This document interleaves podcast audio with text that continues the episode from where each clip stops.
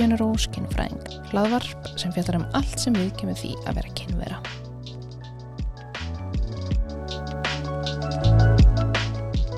Góðan daginn, hjá mér í dag er hann Unnstedt Jóhansson. Uh, hann er fyrir með varaformaður samtökana 78, hann er fadir, eiginmaður og jú hommi. Mhm, Og við ætlum að ræða hann sem homma á Íslandi. Eða, ok, mhm, það er kannski dálítið mikið hommar allstaðar en líka kannski á Íslandi. Akkurat En segðu mér aðeins frá þér. Já, segja frá mér uh, Ég er hvað, 37 ára Ég held að 25 pluss. Já, já, eitthvað svo les um, Og er alveg upp í Garðabænum Já. En hef nú eiginlega svona búið í Reykjavík Svona mestanpart lífsminns Og svo hef ég búið í fimm löndum utan Íslands Ok, vá. og hérna þá er ég hana káspilot og með diplómi í kynfræði Já. Núna er ég mjög forutinn, þú sagði mér að var kaospilot mm -hmm. og ég, ég viðkenni, ég var bara eitthvað, hann er owning the chaos. Ég held að það væri bara eitthvað allt sem ekki chaos hjá mér og ég er bara pilot í mínu kaoslífi en það er ekki, neina að segja mér hvað kaospilot er. Já, káspilot er þryggjára nám hvað, ég held að þetta sé orðið 30 ára gamalt nám frá Danmörku og þetta, sko þegar ég er í skólanum uh, þá voru svona fjóri kannski póstar sem að var að vera að vinna með sem að var leiðtóðahæfni ferilstjórnun frumkvæðlafræði og viðskiptafræði og svona verkefnastjórnun og hann í það. Já, og er þetta BS-nám eða er þetta svona eins og diplóma Já, þetta alveg? er BS-nám Ok, sem er ekki viðurkenda því að þetta er nám sem fer óheðbundna leiðir, það er ekki Mm. krossapróf, uh, öll verkefni eru raunverkefni, þannig að uh, um leið og maður var einhvern veginn að læra allt sem maður var að gera, þá var maður að gera verkefni fyrir kannski viðskiptavinni út, út í feltinu.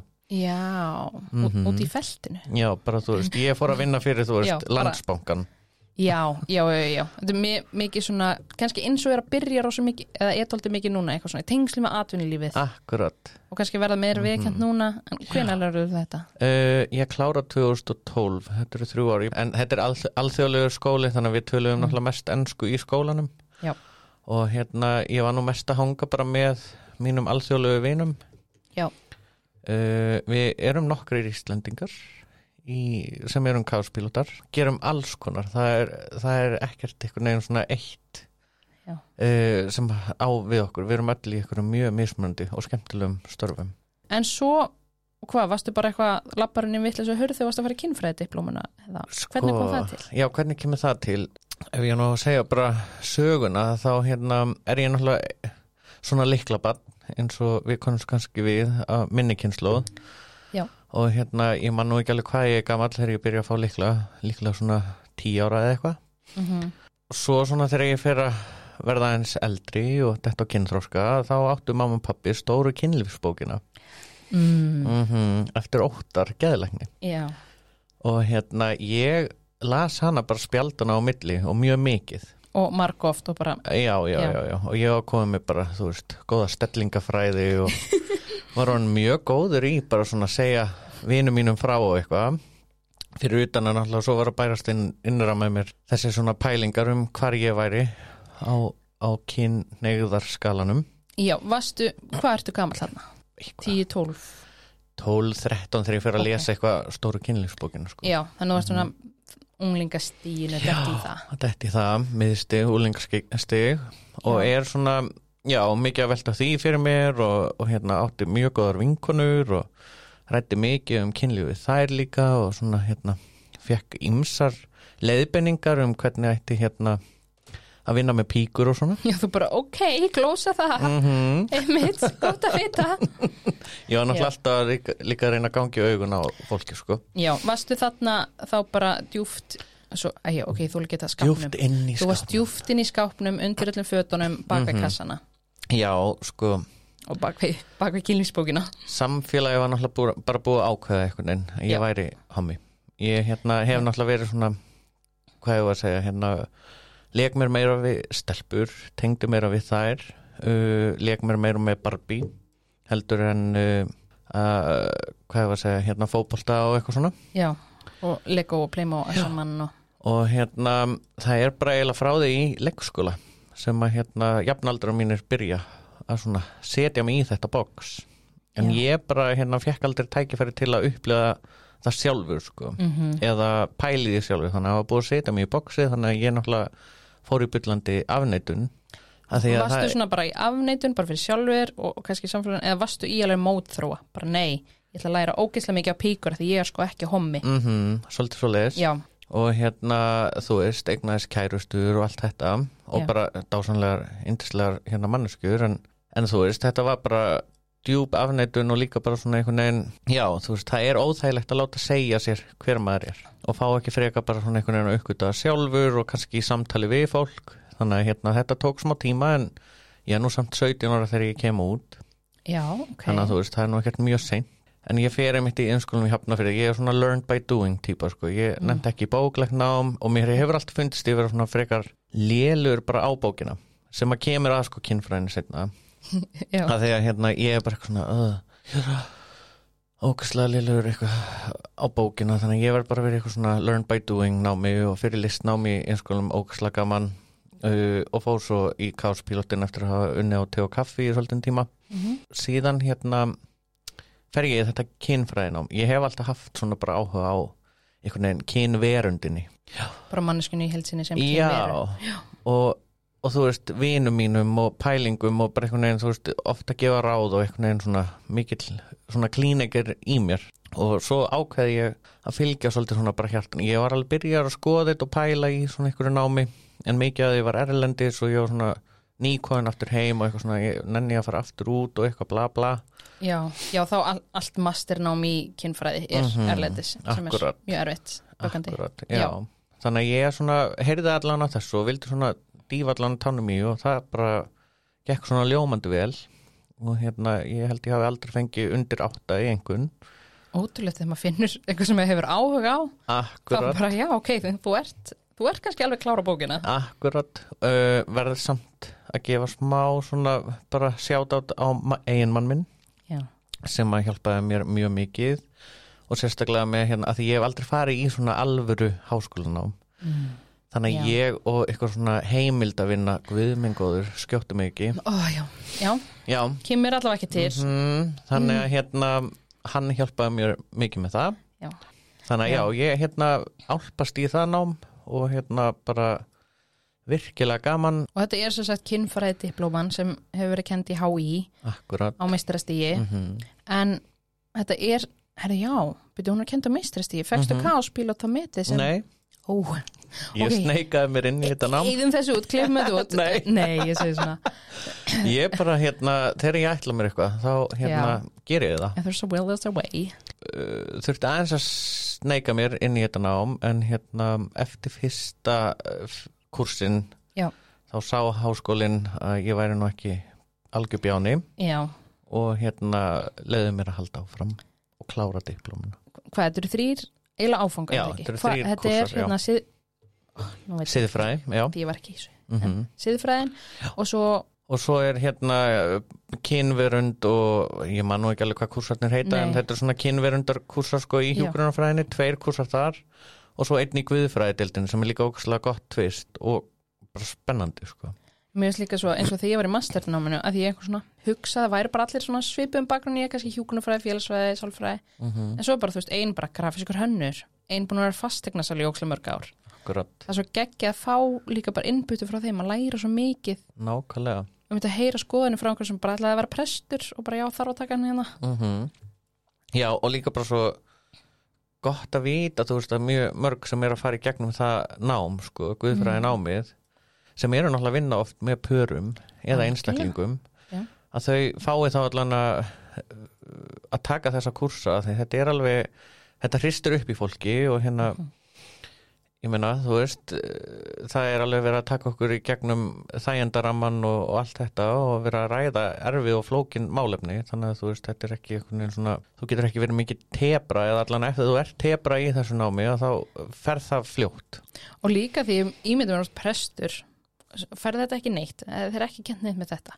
Svo mitt ferðu eitthvað par og því að hérna prestur eru oft líka bara, þetta er bara oft svona parráðgjöfur rauninni, pararákjöf snýst öruglega mjög mikið um kynlíf. Mm því að hérna ég hef svona ímynda mér að það sé nú oftast svona kynlífið sem að oft er það sem að fólk er mest að pæli Já, líka, þú veist, ef að samskiptin er ekkit góð, ég held að það er röglega enginn sem bara hörmuleg samskipti erum alltaf að rífast. En við elskum að ríða. en við elskum að ríða og elskum að njóta ást. Ok, kannski er eitthvað svona make-up sex en svona almennt, bara, þá er það kannski ekki oft hann er til flókið og eins og þið aldrei voru líka ræða bara þú veist um daginn þessi löngunin er svona hátt uppi hér og látt niður í hér og allt þetta. Já, það misræmi og einmitt eða hö- sambandið er hörmulegt og það er mikið streyta, þá minga kynlöngun. Þetta er svona, mm þannig að geggja að prestar eru líka -hmm. í þessu. Ok, þannig að þú tek- tekur kynfræðina. Mhm. þú fyrir, ert varaformaður svo í samtökunum. Já, í gegnum þetta sko ég var í tíu ári einhvern veginn svona viðlógin, uh, já, í samtökunum einhvern veginn, já, samtökun 78 þessi hreinu. samtökin 78 samtök hins eginn fólks á Íslandi. Og hérna byrjaði þar einhvern veginn einhverju trúnaráði sem er svona uh, í rauninni svona ráðgjaðaráð við stjórnina. Það er mjög misjátt hvernig trúnaráðið sem heitir núna held ég félagaráð fungerar, það nú bara eftir svona hverjir veljast inn í það ráð. En við Já. vorum mjög metnaðafull ég var náttúrulega með mjög metnaðafulla einstaklinga í ráðinu Já.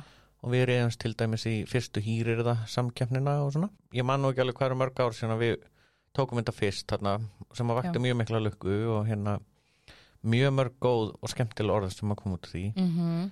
en það þar svona- koma þú veist eins og orð eins og hérna eikinja, það var hérna flæðigerfa til Já. dæmis kvár og stálp kom það kemur aðeins setna já, Mhm. já, en það kemur í þessari hýrir, það það, svona samkeppni? eða bara, já, Já, er já, það svona söfnun sko. Já, já, já. Mhm.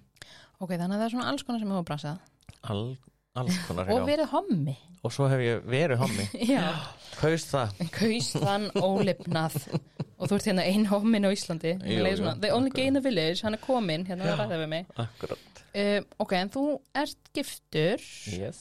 ok, er þið búin að vera lengi giftir? sko við erum búin að vera saman í 14 ára núna í februar Býttu fjórn, hvað ertu gamall, ertu ekki svipa gamall í ég? ég er 37 ára. Já, ok, ég held að hann er mjög afgömmul Ég er 31, ég bara býttu já, já, þetta math is not mathing. mm. Jú, ok. Ok, þau eru 37 ára, ég er svo blind á aldur og þeir eru búin að vera saman í 14 ár. Já, og við Ok. giftum okkur 2016 Já, Mhm. ég sko, ég er kynfræðingur, ég er ekki starfræðingur, ég kann ekki en þetta. Þú Þú Þeir eru búin að vera saman í einhver ár Gift í Mhm. einhver ár Mhm. Ok, hvað kynntust þið? Uh, við kynntumst í gegnum interneti, það er svona messenger samskipti Mhm. Já. um, já og hérna ég bauð honum á date uh, svona mjög kalt, þetta var mjög cold call sko og Bara sendi svona sæll. skilabóð og bara Ætla þú að koma að stefna móti kvöld? Já, svona basically nema ég setti líka inn í svið eitthvað svona, ég hef séð það á Barbaru sem að núna er kíki og bara eitthvað svona fann út hverðu þú ert hérna, og svo setti ég inn í svið og svona, ég veit ég er mjög gott efni í stolkar og Ok, ég hérna og eitthvað vildi ekki koma og hérna hitta mig á deiti og hérna hann Og bara, Ég er fyrir utan gluggaði núna. Hann las sko skilabóðin fyrir vinkonu sínu sem hann bjóð með og hló og hló og svaraði mér ekki viku. Og það var ekki sín það var ekki, Mm. það var ekki, það var ekki verið að sína mann Já, þannig að þú veist bara, hann er ekki með samfélagsmiðla. Nei, ég var bara. eitthvað, æ, hann sá þetta ekki. Eða sá þetta og finnst þetta fáranlegt og ég var bara eitthvað, whatever. Já, já, og hérna, en svo hérna svaraði hann og við hittumst á kofa Tómasa frænda. Ok. Og ég var búin að vera undirbúða mig fyrir kaffikeppni. Uh, þannig ég var mjög hæpaður og ég laði bara allt á borðið og við erum ennþá saman Já, ok, þannig að þetta virkar Já, og ég myndi bara, þú veist, allar þessar reglubækur og eitthvað með eitthvað "Hey, geri, ekki gera þetta og ekki segja Og þetta. ekki þú senda fyrst. Og alls ekki hérna segja þetta eða tala um þetta á fyrsta stefnumóti. Þú Já. veist, ég setti bara allt á borðið sko. ég var meira svo búin að brainstorma nöfn á börnin okkar. Já, bara, hérna er listi Ef þú vil, bara, ha, hvað listi er þetta? Skoðu þetta, ha, það eru svona Ok, ég bara, erum við að hittast ára byggir á þessu? Mhm. Já, þannig Ok. að já, það er hérna þannig að ég, við erum hérna í því og svo eigum við dóttur já. og hún er í fóstri hjá okkur og hérna gengur bara mjög vel og bara sek, varða sex ára núna í desember. Já, mm, hvernig er eiga sex ára gammal það er bara geggja sko.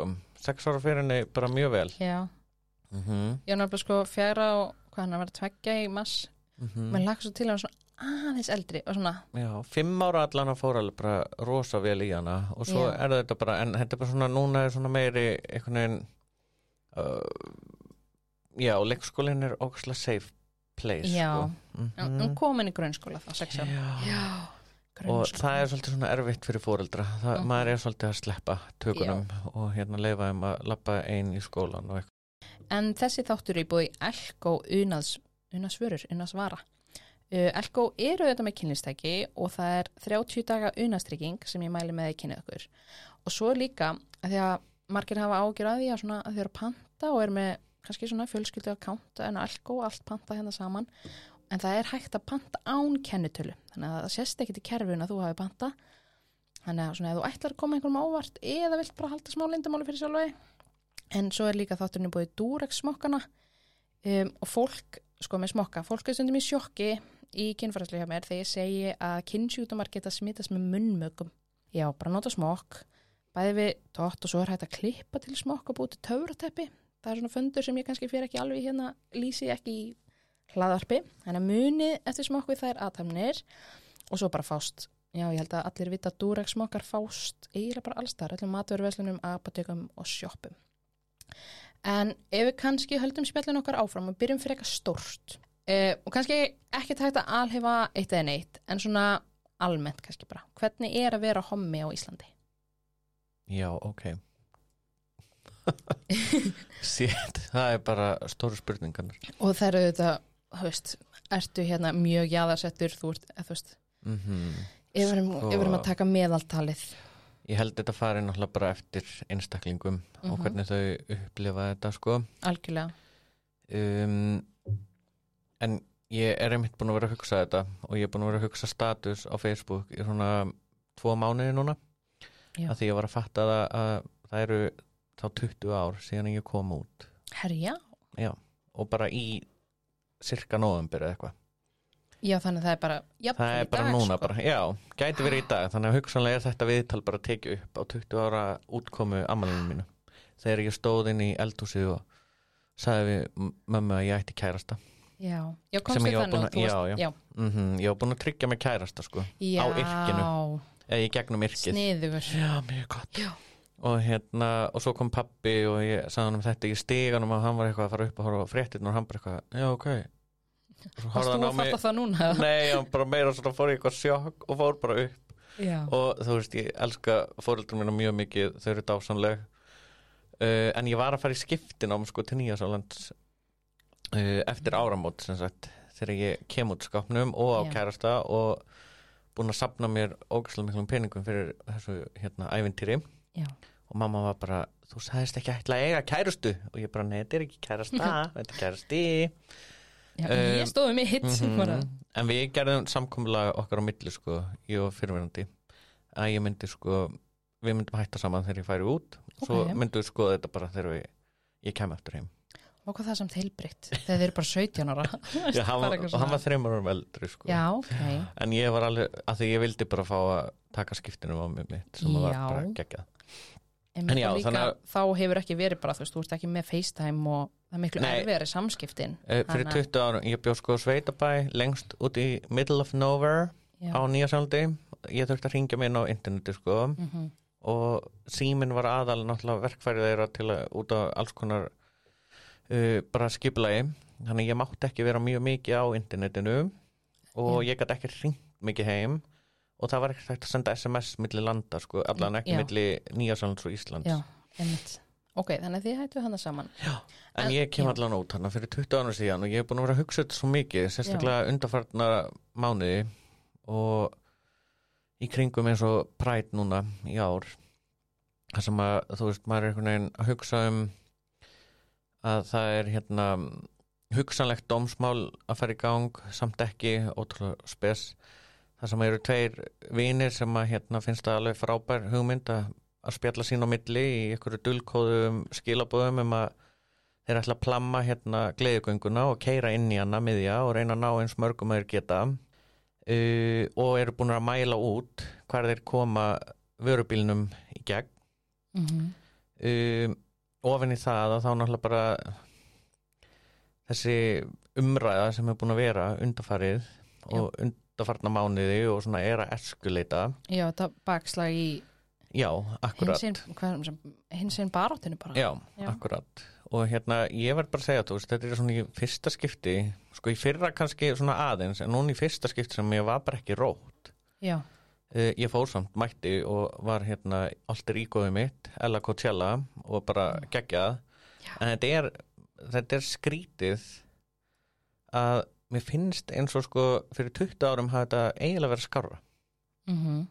og samt er ég að koma út á þeim tíma þegar Gunnar í krossunum er að rífast við Rósa og Spotlight uh, um hjónabönd samkynja para og einhvern veginn biskup Íslands segir að það sé verið að henda hérna hjónabandin og ruslahaugana ef að, ef að samkynja pörmegi fá að gifta sig í kirkju einhvern veginn. Mm -hmm. og ég er að koma út, þú veist, ég, eða þannig er ég svona 14 ára eða eitthvað í fermingafræslu, alveg brjálaður. Já, let samt ferma mig, ég veit ekki og svo er ekki hægt að afferma sig. Það er alveg glata mm og mamma tók ekki mál að ég væri í gegnum síðmenn já, sem er bara allt í lagi. Uh, og hérna þannig að þú veist já, það er bara mjög skrítið. Mér finnst Já. skrítið að við búum á þessum tíman núna þar sem að maður er einhvern veginn held að við værum svo frjáls en svo erum við einhvern veginn ekki. Já og Ísland er alltaf verið svona gefið út fyrir að vera þessi hins einn paradís Mhm, og svona mörguleiti alls ekki mhm. en einhver leiti bara mun framar heldur en bara ef maður ber sér saman með bandarækinn og bara mörgunni lönd en svo er þetta mitt, bara fólk sem byrja að upplifa hræðslu, bara Mhm. að vera præt uh, að því oft maður hefur heyrt hins einn pör bara já, við erum að fara erlendis, við þurfum að þykjast vera vinkunur eða vinir eða hérna bræður eða frændur. Uh, en núna er það bara svona já, líka á Íslandi Mhm. þurfum við að þykjast. Akkurat. Og hérna þannig að þú veist að vera þú veist ég get ekki alhæft. Ég er nokkuð heppin ég hef sloppið, þú veist jú, all grunnskólagangan var hérna bara massíft einelti samt er hérna þessum heppnu. Um, er galið, bæling fyndið sko. Um, og svo hérna uh, þú veist ég hef orðað fyrir aðkasti svona mest á djamminu þegar maður er að lappa heim í einhverjum ábyrjöndu fötum eða eitthvað svoleiðis já, svona innan gæðslega bara sínilega samkynniður já, svona. já, maður er svona glimmeri og eitthvað glamúr um, þú veist, þannig að en ekkert, þú veist þannig, ég hef ekki Já. óttast um líf mitt, Nei. fattur mig en mm. bara eitthvað svona róp og köll einhvern veginn Akkurat. uh, en þú veist, ég veit alveg um um strákar sem að bara hafa lent í bara miklu ofbeldi og, og þú veist þannig að þú veist, þetta er svo mismundi reynsla. Algjörlega og það er svona bara ekki hægt að alhefa nei. En það er kannski svona punkturinn að þetta svona einmitt, þú ert kannski svona eina gæðslega forréttinda hommi mm e, mentaður og allt þetta. Búandi í laugadalnum, litlu já, Stokkólm bara eitthvað þú, þú ert úr garðabænum eða þú veist, eitthvað svona forréttinda hom- eina gæðslega svona Já, forréttinda hommi. akkurat en samt er þú að taka eftir þessum breytingum og komin eitthvað svona smá ótt í þig. Já, eða svona óöryggi Mm, og, hérna, bara, já, svona óöryggi. já, mhm, já, kannski frekar en ótti. Og þá hugsa maður einmitt líka í aðar settari hommar mhm, bæði Akkurat. bara þú ert kannski innflytjandi á Íslandi ert ekki með Mhm. sama bakland bara Mhm. öðru menningaheim þú ert kannski með föllun líka og hérna Akkurat. bara allir þessu svona samverkandi áhrif eða svona, Mhm. þessi samtvinnun þannig að já, Já. þú veist, það er svona bara misjáft en þú veist, heilt yfir held ég svona í mínum vinahópum að þá líður flestum bara svona þokkalega vel og, og við stundum alveg djammið og, og hérna, Mhm. það er alveg gaman og hérna, það er mjög mikilvægt einmitt að bara vera hittast algjörlega og hérna eiga eitthvað svona samtöl saman en þú veist, maður finnur það alveg að það er svona búið að vera strempið þetta haust allavega já, þú veist, einmitt staðin er kannski þannig bara já, við getum farið, þú veist, við erum bara ennþá í okkar hjónabandi og mm getum farið út á djammið meðan og þú veist, yfir hug getur verið hérna út úr skápnum ekki hægt í mörgum öðrum löndum, þannig að Akkurat. það er kannski gott á Íslandi en þetta, akkurat, þetta er ekki hins einn paradís nei, nei Já, þannig að finnst þér einhver munur á þessu, ok, kannski einhvað, þú veist, hefur alltaf að skrifa hennar status fyrir fimm árum, værir það bara, það Já, ekki að ekkert hommi, já, eða, þú veist, þá væri ég bara ekkert að pæli að skrifa hann status sko. Já.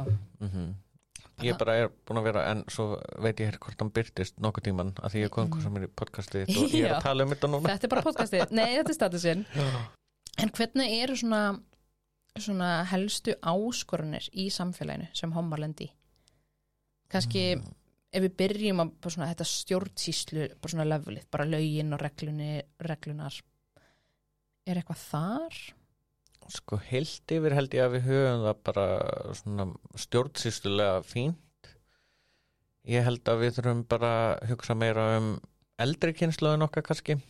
Uh, nú eru hérna, já, þú veist, við erum öll eldast náttúrulega og, og hérna það eru kynnslóðin núna sem að voru að berjast fyrir réttindum okkar sem að uh, sumir, uh, jafnvel hérna látnir og aðrir svona detta kannski í einhverja umönnun og, og slíkt. Og hérna það er eitthvað sem að þegar ég byrja í stjórn samtakana þá var okkur alveg umhuga um þetta. Uh, og þú veist en ég held að það sé til dæmis einn punktur sem að þarf bara að ræða og, og vera meðvituð um sko. Já að vera samkynneir menn í pari og heila eignast börn til dæmis, það er vesen. Við deilum ekki leigi þannig að hérna þá sko þarf að fara ykkur á krókaleðir og svona, já ég var mjög heitur í ættilegingamálunum á sínum tíma. Mm með Katrínu Oddsdóttur lögfræðing og hérna við erum ekki með nein, neina samninga við ríki sem að eru voðalega hins eginn frendli nema Kólumbíu og vonandi eitthvað en svo eru bara ætlinga milli landa það fer dvínandi. Já, þannig að þá er í rauninni þú veist þá þarf að vera kreatífur og þ- þ- fóstur sístemi hérna er uh, frekar hins eginn væn já, það er gott. Það er allan mín upplifun að því og, og annara sem að ég þekki. Mm svo náttúrulega uh, eru stundum ykkur vinapur eða vinir sem að eignast spött saman. Og hérna það er náttúrulega bara dásanlegt ef það virkar en það er alltaf mjög hættulegt líka ef það er ekki búið að ramma það inn Ég, Já, þegar þið eru góður plananda þá er allt blúsandi góðu. Mm en svo koma áskorunir og þeir klassi á vegg og eru ósumála og Akkurat. get ímyndum að það sé mjög flókið og krefjandi. Aðalega því þá kemur stjórnsýslanin hvernig er þetta tryggt? Mm og svo ef það eru kannski fjóri saman mm -hmm. að eiga badd sko, tvö pur það getur verið flókið. Já. hver á tilkall og einhvern veginn og að því að það er í rauninni ekki leifilegt að vera fóreldra nema bara tveir fóreldrar Já, sko. Þannig að það er kannski svona stjórnsýslu að Það segjum einmitt ok, mm -hmm. tvær konur tveir, bara, tvö samkynja Mhm, síspör, mhm. þau bara herra gerum þetta saman hver, hver var í skráð fóldrið, væri það hérna sæði skjafin og svo sem var með ekkið er, er það konan konan sem hún býr með þetta er svona, Akkurat. ég get ímynd að þetta sé svona Akkurat og þetta er eitthvað sem að ég held að mætti setja meiri fókus í og ég veit að eru svona fóreldrasamtök hins eginn fólks í Evrópu sem hafa alveg verið að setja fókus í þetta að það að vera hægt að skrá fleiri sem fóreldra algjörlega. Og svo náttúrulega veit ég um hérna, fólk fer sínar eiginleiðir og Mhm. ef það, er ætla eignarspöld þá gera þau það. Já, einhvern veginn. Stundum hana, út fyrir kannski einhverja ramma sem eru hérna uh, samþykti með lögum sko. já, og svona eins og staðgöngum meðurinn þá erlendis Mhm, frá og mhm, sem er líka ótrúlega mikið laga flækja mhm, þannig að mhm. En líka kannski svona einfaldra hlutir, bara svona eins og gagkinja viðmið, hérna, já, gagkinja, viðmiðið í Já. samfélaginu og líka kannski bara svona spurningalistum, þú veist, hver er mamman, hver er pappin? Mhm. Sko við höfum ekki lent mikið í þessu. Ég veit að hérna hjá lesbíunum þá er þetta eh, meira því að það er náttúrulega oft er að gangi gegnum eitthvað svona uh, frjósemisferli og Mhm. þetta er svona, þú veist, þá þarf að skrá eitthvað neginn og en þú veist, ég man ekki eftir að- og þú veist, annar okkar er ekki skráðu móðir eitthvað, staðar? Ef við ætlum kannski aðeins að fara bara svona kynlíf og sambönd Mhm. og áðurnum fyrir mig það, þá að því ég búið elk og unaðsvara, e, þá langar mig aðeins að ræða smá tæki og hvað hommar nota. Að það er náttúrulega bara allir hommar stunda alveg eins kynlíf og nota allir eins útlutið að homma kynlífstæki sitt. Nei, ég er að djóka, ég er röglega, það er ekki svo leiðis. En þetta er kannski líka bara svona eitt af þessum sterkum mítum sem tengis kannski bara inn á mítum um almennt kynlíf homma, samkynneira, hvernig það lítur út og hvernig það á að vera. Um, og þetta kannski líka því ok, hommar, ef við erum allavega að tala um sís fólk, þá eru þau flest með tippi. Um, og þá hugsa fólk áttu eitthvað svona kannski bara tipparingur eða hérna rúmúfa það er einhvern svona eina það sem er í það er bóði en það er auðvitað fullt hægt að nota eins og á tippinu. Ég menn þar eru fullt af viðkomum taugendum þá er hægt að taka bara eins og eitthvað egg nota það til að örfa eða þú ert að veita munnmög, þú getur sett hérna eggið uh, hvað heitir þetta svæði hérna? Þetta er svona undir, undir Hérna í barkakýlið. Já, svona un, undir, hvað heitir þetta? Undir kjálkan Já, þannig að titringu fyrir í munnin og þannig að það er alls konar hægt að prófa. Um, og kannski förum svona ok, þetta var mítan eða var kannski aðeins að byrja að fara inn á bara mítan með að allir homar stunda alveg kynlíf og allir eru til í allt. Þetta þér einhverju hug svona aðrar svona ábyrjandi mýtur um kynlíf homma? Já, já, þú veist, það eru margar mýtur, þú veist, hérna uh, nú við aldís til dæmis tekið nokkra fyrirlestra og á, á hérna Pride og fyrsti fyrirlesturinn okkar var í miðju COVID og hérna þá voru, voru við að tala um bara svona hins einn unað og hérna þá fjallaði ég um endaþarmsmög og það er einmitt svona ein af mýtunum Já, það er náttúrulega bara það mm og allir hommar fíla endaþarmsmög Já, og líka sko allir homma fíla enda það sem mörg og ef þú fílar enda það sem mörg, þú veist það fer putt í rassinn Mhm. eitthvað, þá ertu líka hommi Já, pott, sko. já, já, já, já, já. Einmitt, þetta er ég, þetta er kannski svona sterkasta lífsegasta mítan Já, og sérstaklega finnst mér hérna gaman hvernig einhvern veginn, þú veist, í popkultúrnum bara svona almennt og einhvern veginn ef að streit gæjar fíla hérna smá hérna endaþarmsmög Já, að þá er það einhvern veginn orðið bara feminin og þú ert hommi, já, náttúrulega já, augljóslega. Já, já augljóslega hommi, af Mhm. því að rassin segir til um kynneigðina eina Algjörlega, uh, en já, það er sem sagt mýta, það er, fíla ekkert allir hérna endaþarmsmög og það er mörg pör sem að stunda bara ekki endaþarmsmög um, önnu mýta kannski bara já, það eru náttúrulega margar. Kannski líka hérna, þú ert annarkvort topp eða bottom.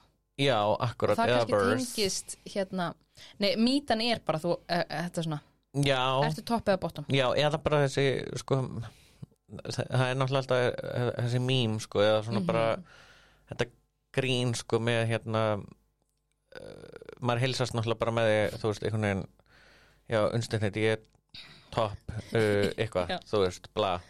Já. æ, fattaru, og hérna og og þú verður að finna þinn bottom. Já, akkurat.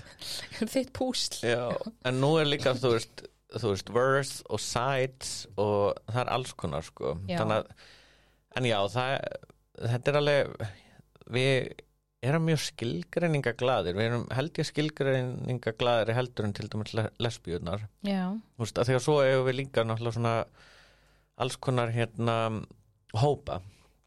Þú veist, twinks and bears og Já. hérna otters og, og hérna bara hvað það er sko ef þú segir kannski stuttu mjög stutt, hvað er twink, hvað er bear hvað er otter, já, ok, þú veist twink, það eru svona ungir hérna strákar með six pack og svona, svona bara svolítið grannir grannir, já, já. mhm. svona eins og ég var einu sinni algjör twink já. uh, og svo hérna höldum okkur í stereotypunum pössum það Mhm. og hérna síðan hérna Bears eru svona loðinir uh, hérna bánsar, bánsar bara og bara algjör kærleiks bánsar sko. Otters eru þá kannski grennri strákar sem eru hérna líka loðinir já, eitthvað svo leis, svo er Cubs og þú veist, það, það er alls konar. Ég, Já. ég geti örgulega tekið bara tvekja klukkutíma samtal bara það er næsti um, þáttur. Já, og líka þetta með svona masculine og feminine og það er líka Akkurat. þú er bara annarkort akkurat. Já, það er náttúrulega og topp er náttúrulega masculine alveg og hérna sko. bottom Mhm, það er mhm. einmitt kannski svona Já, það Já, er oft svona, fólk setur það mjög mikið í samhengi Já. og hérna, þú hlýtur náttúrulega að vera mjög kvenlegur ef þú ert að þykja, sko. já, Mm sem fyrir tóltið svona djúft inn í kannski líka bara hugmyndur okkar um almennt um kynlíf gagkinja para Akkurat. og gagkinnes fólk sem stundir kynlíf með að gæsla bara hinu kyninu Akkurat. sem við lærum í kynfræðslu að þetta er svona þetta er eitthvað sem er gert við þig og þá Mhm. er mitt úr bottom, þetta er eitthvað sem er gert við þig og þú ert rosa feminin, hvernig kynlífið er sem að sér í mainstream klámi. Mm og þetta er ek- ekkert endilega bara með kynlíf homma, bara fólk vill, er forvitið, vill vita unglingar og jafnvel líka bara fullur fólk ok, hvernig stunda ég kynlíf, hvað gerirðu? Opnar klámið. Akkurat og heldur kannski að það séu bara nákvæmlega leiðbynningar hvernig það á að vera. Mm nákvæmlega sem er ekki gaglegt. Nei, ekki kaklit fyrir neitt Nei. bara betra að lesa stóru hérna kynlífsbókin þótt að hafi bara verið svona þrjárblaðsjur um samkynneið Já, voru samtalið þrjá ár eitthvað, já, þær voru samt mjög fyndnar. Já, um, já, akkurat. Uh, en sko það, ég fór nefnilega alltaf einu að hugsa líka bara um þessa mýtur og allt þetta og, og með hérna botnana og toppana og allt þetta og þessa bottom shaming og einhvern veginn. Mm að hérna ó, nú, ég minnir að það hafi verið hann hljómsveit sem hann hér hljómsveitt og voru með hérna lagi uh, gott í rassin eitthvað svo leis og þær voru hérna tvær saman með hérna þætti á X-inu Mm. gleymi ég bara aldrei, mér finnst þetta svo stert og þetta kemur ekki frá mér, bara svo Mhm. það sé alveg á hreinu að þær voru að tala svona út frá feminísku sjónamöfum að þú veist hérna í rauninni væri geggjað ef allir hérna allir kartmenn bara fengju það eitthvað tíman í rassin Já, og þannig myndi við ná meira jafnrétti. Ó, ó, Já. lausnin var bara það. Jeps, og Ókei. sko, útskýringin er svo og svona, hugmyndin er að ef að þú veist þú myndir skilja það hvað það er þegar einhver er yfir þér til dæmis í Já, inn í þér og þú segir ái og þú hættir ekki. Mm, eða skiluru, ég, þú veist þegar það er einhver inn í þér fyrir ofan þig já, já, hefur völdið þér og þú segir stopp en þú kvíslar það eða þú veist Þú frýs. Akkurat. Að hérna ef að við ef að allir myndu þurfa að upplega þetta ykkur tíman þá held ég að fólk myndi svona hugsa um kynlíf aðeins öðruvísi. Já, mm að því að það er ógverkjandi og þetta er sárt getur orðið sárt, mm Mhm. fattur við uh, en líka sjúklega næs og gott en Mhm. þú veist, ef að það er sárt þá verður það sárt og ef að þú Já. segir stopp þá ábúr stopp að ég er svona að hugsa með þessa pælingu eitthvað, já, það, það eru bara allir að prófa þetta og komið jafnlega bara, já, eiga allir að upplifa ofbeldi já, nei, Nei, ekki, bara, nei öfugt þú veist, Já. bara að fatta þú veist, ef Já, þú bara já, já. pælir í þessu Að hafa orðið fyrir bara svona Já, það bara, þú stöðu. veist, að bara ímynd sér að vera í þessari stöðu að liggja eitthvað staðar, það er eitthvað inn í þér. Mhm, þú veist, það er eitthvað líkamlega inn í þér. Já, og þú segir ái Já. og þú veist, það er ekki endilega ofbeldi bara stundum eitthvað Já, já, já, uh, ái, eða já. bara, nei þetta hans pælingin að það sé ekki stoppað. Já, akkurat en svo bara, já, þú veist og svo bara, ef þú stoppar ekki, þú veist, hvað þýðir það? Og, og þá hérna, þú veist, fyrir að breyta svolítið kemistriðan líka. Mhm. þannig að ég er bara svona mér finnst þetta alveg að þetta hefur fyllt mér þessi pæling svolítið. Já, mm áhugaverst ég, ég hef ekki heyrt þetta með hérna ekki heyrt Byrju, er, þetta þáttur ekki sem er núna, þetta var einhvern tímann. Þetta var fyrir, já, Já, og kannski vorum aðeins að tala um þetta með einmitt, ef, ef þú fílar anal ef fílar eitthvað er að sinn, þá ertu Mhm, hommi. Mhm. og þetta hérna kyn, hegðun versus kyn neið, Akkurat, svo er það svo skemmtilegt með skilgreiningarna sko. og hvað, er- hvern, þú veist, af hverju þurfa að skilgreina okkur mhm, og allt það og þú veist, ég er allir fyrir, ég er dýrka sko, bara alltaf þegar kemur ný skilgreining þá er ég komin bara Mm. á YouTube og neti og bara reyna að skilja og bara Mhm. mér langar svo mér þyrstir í fróðleik já, um, að því, þú veist, það er svo næs að tilheyra einhverjum hópi algjörlega og, og vera svona, geta fundið sitt fólk einmitt, að því það kom einhver hérna skilgreining Mhm. og fórst að lesa bara já og það auðveldar þér að finna hina eða Mhm, hin. mhm. og þú veist, það er bara eins og með hérna, konur, þær rotta sér saman í saumaklúpa já, ég meina Og- þú ætlar að fara í íþróttir. Þú velur, ætlar í sundi, ætlar í fótbolta Mhm, og þú prófar alls konar mhm. og svo bara nei, mjög skamin sundi.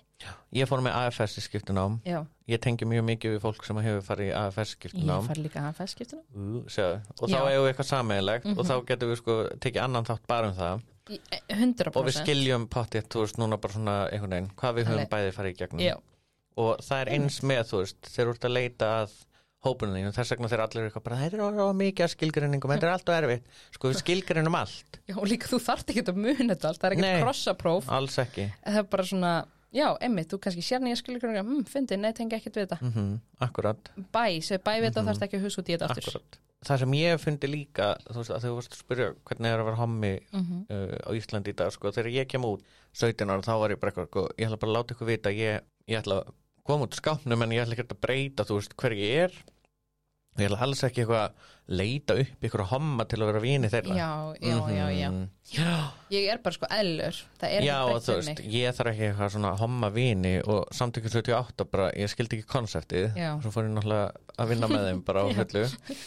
Um, og svona þroskast maður og breytist heimsmyndin. Já, líka sem unglingur, þú vilt svo mikið vera normal. Mm þau þráða svo mikið Já. og þá þarna ætlar að vera normal. Ok, ég er hommi en það, sko, það er alltaf læg ég ætla ekki að gera neitt öðru sko. Mhm. ég er alveg ennþá normal. Nei, ég var reynda svona aldrei mjög normal Nei, fyrir utan það, en maður ætlar að halda í hugmynduna um normal fyrir já, en, en allan ég var eitthvað svona bara mjög mikið í því. Og núna sko finnst mér ótrúlega næs að eiga góða homavinni mm og hins egin vini að því að við bara tengjum á öðru leveli. Það er líka dásanlegt að eiga sína sís bara gagginniðu vini það er sterkari tenging og sérstaklega þú veist þegar maður dettur í góðan uh, hópa homum eða tvíkinniðu mönnum það er bara við tölum öðruvísi, við skiljum þú veist bara, við skiljum hvern annan á einhvern annan hátt. Bara auðvita og mm Mhm. það er mitt þetta með skilgreiningarnar. Og mér finnst svo áhugavert hérna með að því svo passa ekkit allir að því eins og bara hommi, skilgreiningin Mhm. hommi. Mm en þú ert kannski svo við öðrum köllum en þú ert ekki hommi. Nei, og svo er það sko. Og þá týnistu eins og hérna með HVF þegar þau voru svo mikið að reyna á þegar HVF aldrei var eitthvað hellaður. Og Akkurat, það er bara byttu já, byttu, akkur ertu komið HVF byttu þú notar ekki hérna vímöfni í æð, einhver svona áhættu og Akkurat. hópanir bara þú ert ekki hommi, bara við skiljum ekki bara, Mhm. nei, ég er ekki hommi en svo breytt þau í hefur þú stund að kynni með kallmann bara já, já, ég er ekki hommi því að hommi fylgir bara þetta identity og Mhm. hérna og kannski þá þannig hvað fyrir 30 árum? Ætla þess ekki, nei, jú 30 ár. 40, 30-40, mm allt sem fylgir því að vera eina gæsla bara hommi. Bara nei, ég er það ekki. Akkurat, og það er ennþá í dag þú veist, Mhm. hérna menn sem svo hjá mennum sem að skilgreina sig ekki sem hommar. Já, og mér finnst alltaf svo áhugavert þú veist, er það þá, þú veist er það rámt, eða er það ekki rámt eða er það mitt að skilgreina emmitt hvernig aðri skilgreina sig, eða þú veist á ég að hafa skoðun á því? Bara ertu á hommi eða ekki?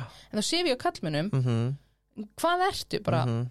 Ferð þú ekki samt bara alveg sátt að sofa og þú veitir ekki Akkurat, sumum finnst kannski bara næs að svo hjá kallmennu svona öðru kvoru já, og tengja samt ekki við að vera hins einn tvíkinnir hommar eða neitt. Já.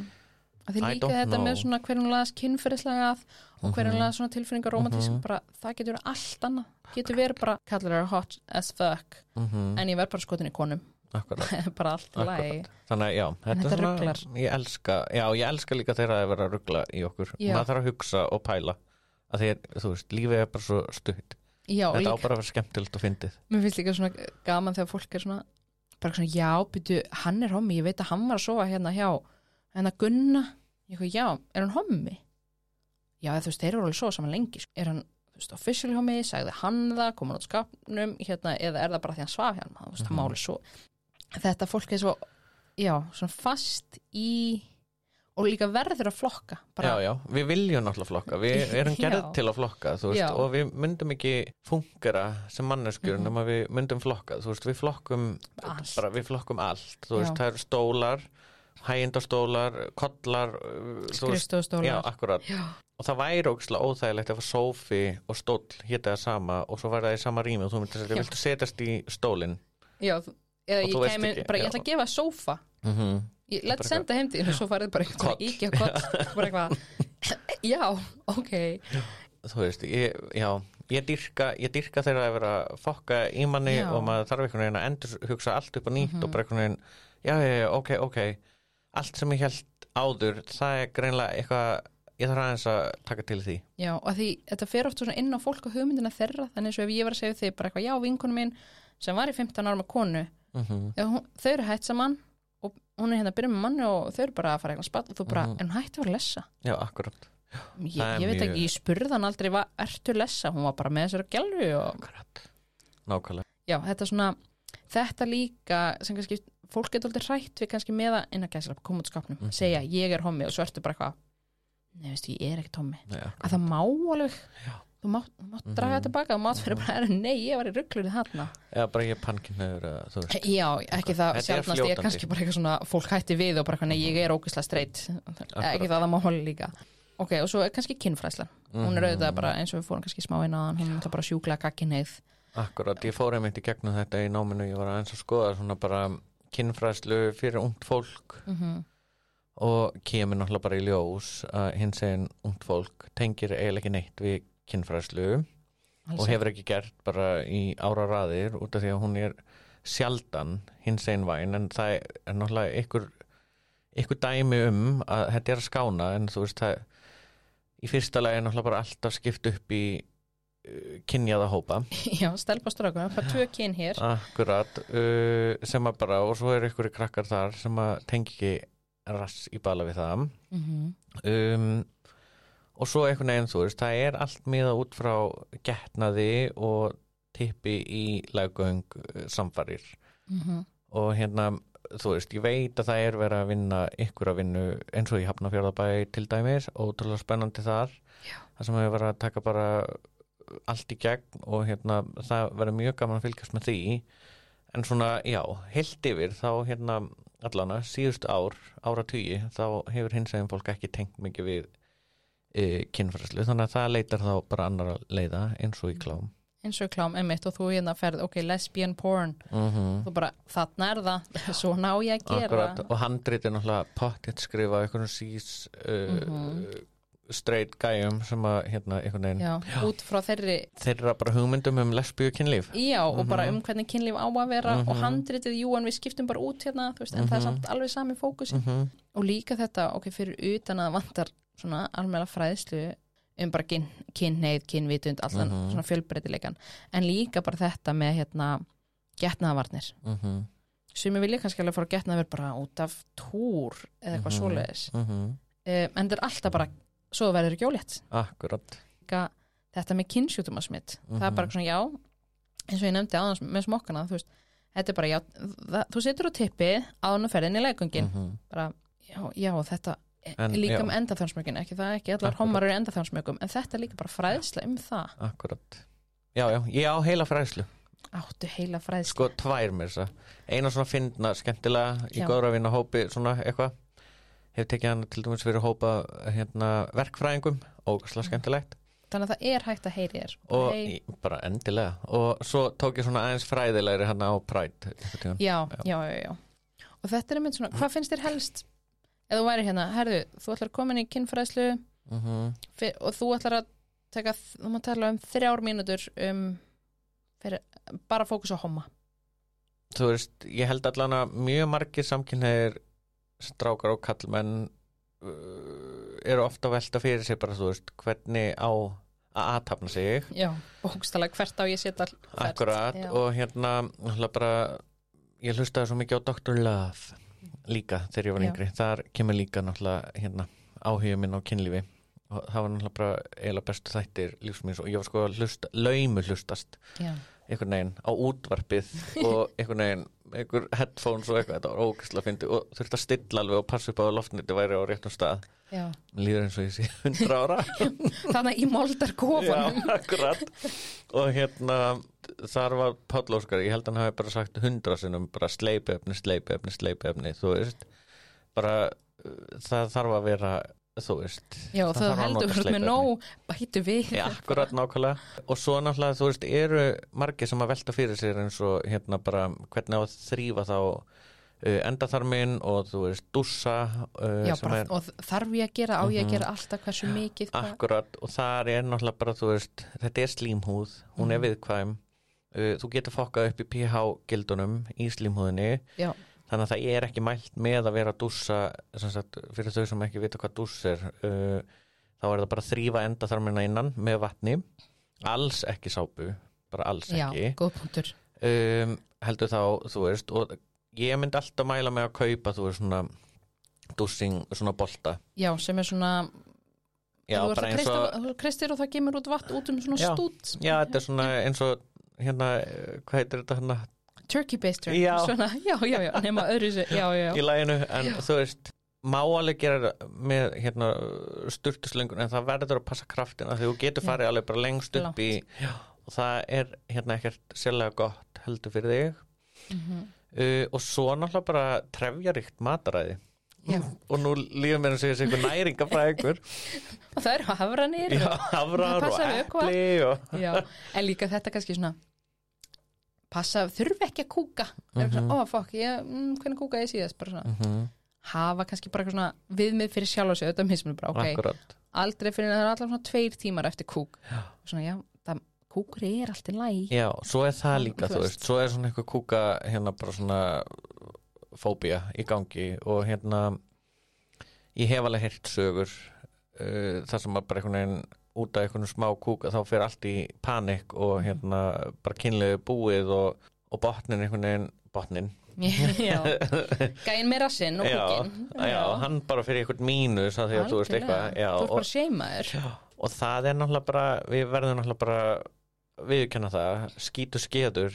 Og það bara já, og það bara þú veist, eins og ég voru að segja á þann bara lífið er ofstutt, bara þetta er ekkert Já. mál, maður þrýfur þetta bara heldur svo áfram. Já, og líka notaði smokk, þá er þetta ekki að fara og líka Eh, þetta já. með að slímhúðin í, þú veist, húðin í enda þegar maður er viðkamari, mhm, alltaf nota smokk upp á bara minga líkunar á kynnsjútumansmyndum akkurat. Að það er aukna líkur þar, Mhm. en þetta er mér líka, þá fer kúkurum bara smokkin, það er bara allt í læg já, það er þægilega sko, veist, það Já, að því sumir auðvitað bara mjög viðkomið fyrir kúk. Bara, mhm. not gonna blame you. Ha hafði Já, já. smokk á, ekki kveikil í húsin verður með eitthvað svona pilsi yfir þú sérði ekki. Og líka þegar vantar bara eitthvað svona já, þú veist, enda það, ef þú ert gett stressar þá er hann ekki að fara að slaka. Nei, þú segir honum ekkert að slaka. Akkurat, Það og það er náttúrulega líka mjög mikilvæg punktur, það er náttúrulega að ná ykkur slökun Já, og vera búin að undibúa það er ekki bara að Já. fara að þrykja inn bara eittur og bingo Já, bara þótt hér að sleipefnu sko. það þarf aðeins Já. að vera búið að undibúa byrja aðeins bara þú veist, ykkur forleik í endaþarminum. bara örfa aðeins þannig að slaknar. ekki það þetta er líka með hérna lægkungin þú veist, bara þessi mýta þetta eigi að vera vond þetta þurfa að vera vond þetta er bara svo leis bara, nei slaka bara, og ef það er vond og þú ert ekki fíl, bara hættu það bara. Taktu þrjú skröð tilbaka og svo já, og bara þú veist hitu upp sko. Einmitt. En ef við kannski talum, tölum aðeins um svona date menningu og ég veit ekki að það sé öðruvísi en hjá gagkinni pörum, segjum bara ásnir bæ.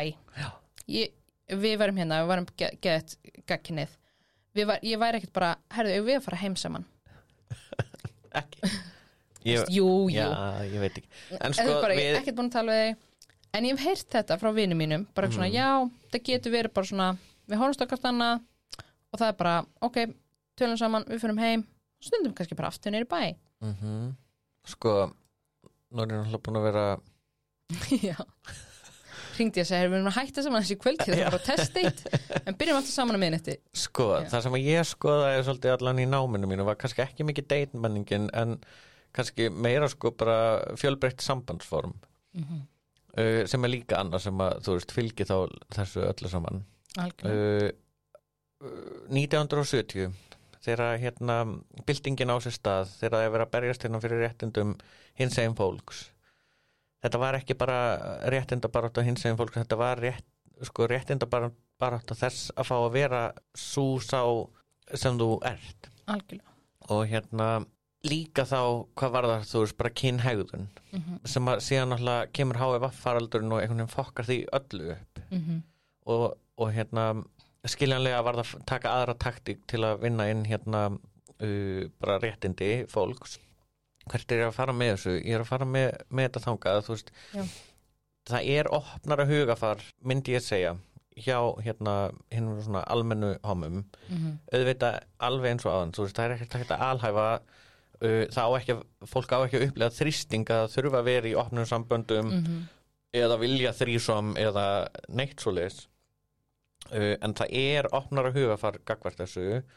Um, og deitmenningin er náttúrulega sérstök, ég meina þú veist uh, grændir er bara ekkert á við tindir Nei, og þú veist að hvaða leiti mm, ég held að hérna sko grændir þá er eiginlega bara hæ, tippa minn, Já. top eða bottom. Já, er svona samskiptin stundum. Svo ég minn náttúrulega eru ekki alveg þarna en mjög oft. bara, Já, eins og fólk er. Við erum ekki alhefa neitt og bara ekkert að því en það er mjög augljóst ef þú ert á grændir og þú ert, þú veist, jú, þú getur verið að leita networking eða vinum og það er náttúrulega bara frábært eða einhverjum potentially maga og það er fullt af fólki sem, eða fullt af homum sem hafa kynst í gegnum grændir og hérna eru saman í dag og giftir og með börn, kannski ekki fullt en allan eitthvað.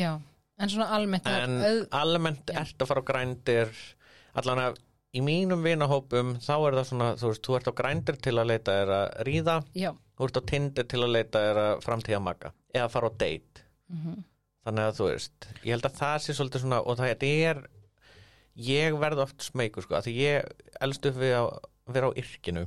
Já, uh, sem að örgulega allt unga fólki sem að er að hlusta á því núna veit yrk hvað er hann að tala um? Þetta var hana akkurat þegar maður þurfti að ringa sig inn á internetið og hérna yrki var bara svona spjallrás Mhm. og maður gætt farið inn á spjallrásir og hérna til dæmis gay IS eða eitthvað. Já, og þar hérna gætt maður verið nafnlaus og það var alltaf svona main eða svona aðalspjall og svo hérna gætt maður dotti í svona one-on-one spjall. Já, og þar þetta var alveg lúmst hættulegt skilur að því að þú veist maður vissi ekkert við hvern maður var að tala þú gast alveg verið að kattfissa það gátu verið miklu eldri menn eða miklu yngri einhvern veginn. Og ég er svona uh, þú veist maður hefur bara heyrt svo margar sögur af ungum strákum sem er að koma út sem að Mhm. hérna eru bara komnir í ykkurar komnir í ykkurar sko aðstæðu sem þeir ráð ekki við. Og ég meina þú veist ég er einn af þeim á yrkinu fattur mig, mhm, let sækja mig eitthvað þú veist ég bjó hann við Arnarnesvegin ég let sko Já. rölti niður á smára let sækja mig þangað að ykkur manni mhm. sem var öruglega að lámarki 15 árum eldri en ég. Og þá er ég þarna 16-17 ára. Já, og fer heim til hans og þú veist hann var alveg góður við mig, fattar Mhm. mig þetta hefði getur verið miklu verra einmitt en þú veist ég vissi ekkert hvað ég var að fara út í Já. þetta endaði allt vel en þetta var samt alveg já, hefði algjörlega bara geta enda bara á einhvern allt annan veg skilur Mhm. og þannig að ég verð oft svona bara eitthvað smeykur bara fyrir hönd þeirra sem er að byrja sín fyrstu skref á grændir af því það er svo og af Já, því að þú er- sér líka bara hversu langt er, eru frá þér og allt já, svona eins og á Tinder, bara Mhm. 5 miles eh, hérna, 5 kilometrar, já Og, en ég held líka þetta kannski kemur þetta aðeins inn á söguna homar þurftu svo mikið að fela sig og hérna, Mhm. að þau voru hérna þú veist, þú ert með eyrnal og kjarnar megin, þú ert með já, já, alltaf veit að hversu mikið á Íslandi, þú veist eins og þú ert með svona fána, þá ertu Mhm. eða Já. svona bandana já, akkurat um, og þetta að því þú veist það er kannski dálítið svona í menningunni við þurft, við gátum ekkert verið bara eitthvað sestin og bara spjallað og Mhm. fólk að séð að við vorum homar og höfum fyrir ofbeldi þannig að kannski bara svona það varð meira straight forward og kannski er það svona það gæti hugsanlega verið eitthvað veit ekki. ekki, eða bara að þú veist það er bara einhver annar hugsunarháttur og það er allt í lægi, Já, ég já, já. það sko. Mér finnst það skemmtilegt. Já líka svona almennt hérna hugmyndum um kynin og hvernig kyn Mhm. hvað, svona þörf eða svona hvernig kynveruð eru, kallar eru alltaf til í kynlíf akkurat og eiga alltaf verið til í og Mhm. það þarf ekki þetta hvað helviti spjall það er bara kynlíf, þannig að kannski það líka það er líka náttúrulega svona eitthvað sem að fylgir. Já, hugmyndun um kallmennsku og allt það. Um, en heldur þau kannski svona aðan við klárum? Er einhvað svona sem að heldur að kannski svona einstakt fyrir samkynnið pur eða homma? Ekki hérna lessur, við erum bara í hommunum núna. Mhm. um, sem einhvað sem þau dýla við, bæði jákvætt og neikvætt sem þú veist gagkinja pör og lessur og önnur hins einn pör dýla við. Einhvað svona sem er sextakt áskorunir jákvætt, eða eitthvað svona jákvætt nýta sem bara hommar.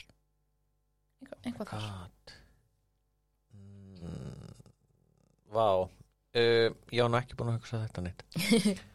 Nei, og kannski líka bara Nei, uh, uh, þetta er líka Nei. bara svona það er svo mikil bara munur á pörum og Já, ég held það sko Ég held að það sem mér finnst ógæslega skemmtilegt bara núna, að því ég get ekki svarað þessar spurningu en það sem ég, finnst ótrúlega skemmtilegt er að hérna, það er að opna svona fyrir fjölbreyttari sambandsform og maður hugsar oft svona einhvern veginn bara, ok, við lifum hérna þessu lífi í eitthvað, 85 ár cirka, eða eitthvað. Og hérna við tökum stundum lífunu svolítið alvarlega og Já. alltaf að leita æðri tilgang og einhvern veginn uh, en þú veist, hvað verður svo um okkur? Við verðum bara ykkur mold. Mhm. og hérna auðvitað á mann ekki að líða illa í samböndum og þá á náttúrulega að endur sko að fara í ráðgjöf eða þú veist, reyna að finna út úr því hvað amara að. Mhm.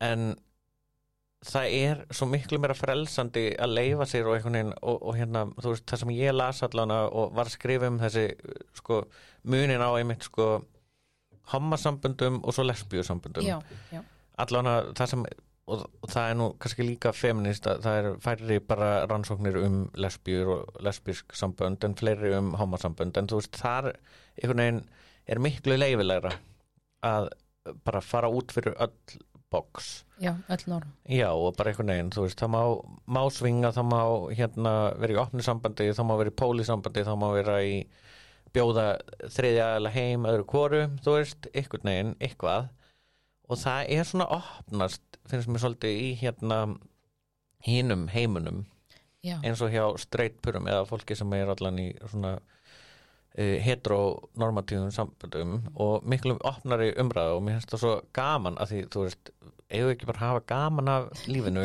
já. og hætta að taka öllu svona ógæslega alvarlega? Og festa sig í einhver sem samfélag segir mann að eigi að vera. Einmitt, þú veist, þetta snýst oft um einhvern veginn, þú veist hvernig veit ég að manneskjan elska mig? En þú veist, þú getur elskað fullt af fólki og þú getur elskað manneskunina og eða þú veist, ein mannin ein konu eða ein kvárið þitt. Og samt blossar upp hvoru eða hrifning af hverjum öðrum aðilum og það er alltaf læg og það þýðir ekki neitt. -hmm. það þarf ekki því að neitt. Og þú mátt hugsa um aðra aðila Það þýr ekki að mun gera það. Mm -hmm. Og kannski getið þið átt samtal og þið megið fara að gera alls konar hluti. Mm Já, og mér finnst líka einmitt áhugavert með þú veist, hérna homar og lessur.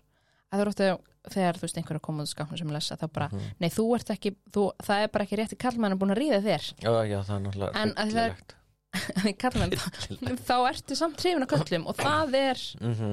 svona kynja pælingarnir í samfélaginu okkur, það er the one and only thing. Já, já. Og kallar Það, betur en ég, hef ekki heyrt marga hommavinu mín að fá eitthvað svona setningu. Þú hefur bara ekki fundið réttu píkuna Ég hef bara- aldrei bara og þetta er að fara að testa þetta en ert þú búin að ríða gullnir í píku? Já, þú kannski fer þá að efast um kynja þína. ég held að það hefur bara aldrei hitt réttu píkuna. já, þetta er líka svona, og eins og með tvíkina og líka kannski svona já, um tvíkina, það, það er kannski þetta bara svona, já, þá ertu hommi í lein eða þú ert kallmaður, Já, já. þá ertu lein laumi hommi, Mhm. Eða bara ekki búin að átta þig á já, eða ertu ekki búin að átta þig, þú eru ekki viðkynna og sért alveg hommi, Mhm. en ef þú ert tví- tvíkina er kona þá er kannski bara, já, þú ert ekki alveg búin að finna rétt tippið, Akkurat, þetta er- er svo vond sko. Oh, já.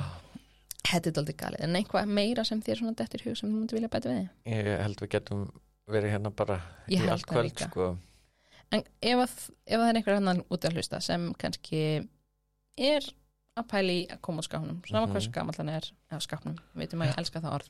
Já, við elskum Eh, all skápin eða, og kannski líka bara ef þú ert fóreldri eða vinnur, eitthvað svona, hvað ráðmyndur Þú veist, leita til samtakan 78 Já. Alveg absolutt sko. Og það er fríráð Það er fríráðgjöf þar. Uh, Þannig ég myndi alltaf þú veist, benda fólki að leita þangað eða það er einhvern veginn í vafa Svo höfum við hérna ákveðin vinnahópu minn til dæmis stopnað svona félagskap hins einn Karl og Kvára sem að heiti Loki. Ok, og hérna ég var svo djallus nefnilega því að þau- hann að hins einn konur og kvár þau stopnuð hann að veru. Já, ógæslega flott konsept alltaf svo mikið stuð hjá þeim og bara alltaf svona hundra manneskur já, á viðbyrðum mm og ég var bara alltaf eitthvað hvað með okkur? Já.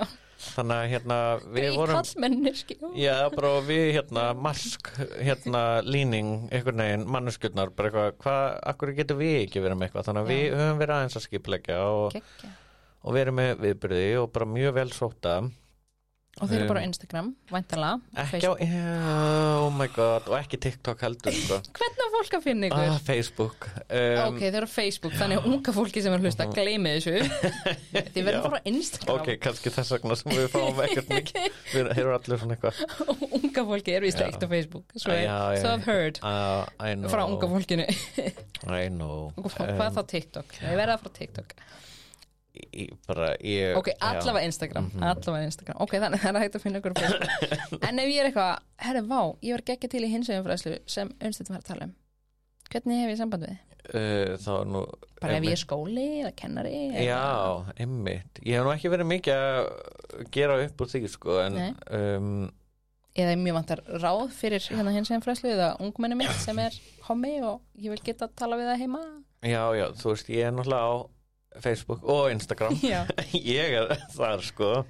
Ég, ég geti líka alltaf komið í kontakt við þig Já, já, bara, Þannig þú veist, en það eru leiðir sko og- og hérna, Að vestafalli þá bara sendt mér skilabóð og ég Já, kemur já. samband við hann unnstætt akkurat. En takk æðislega fyrir þetta, ekki spjöld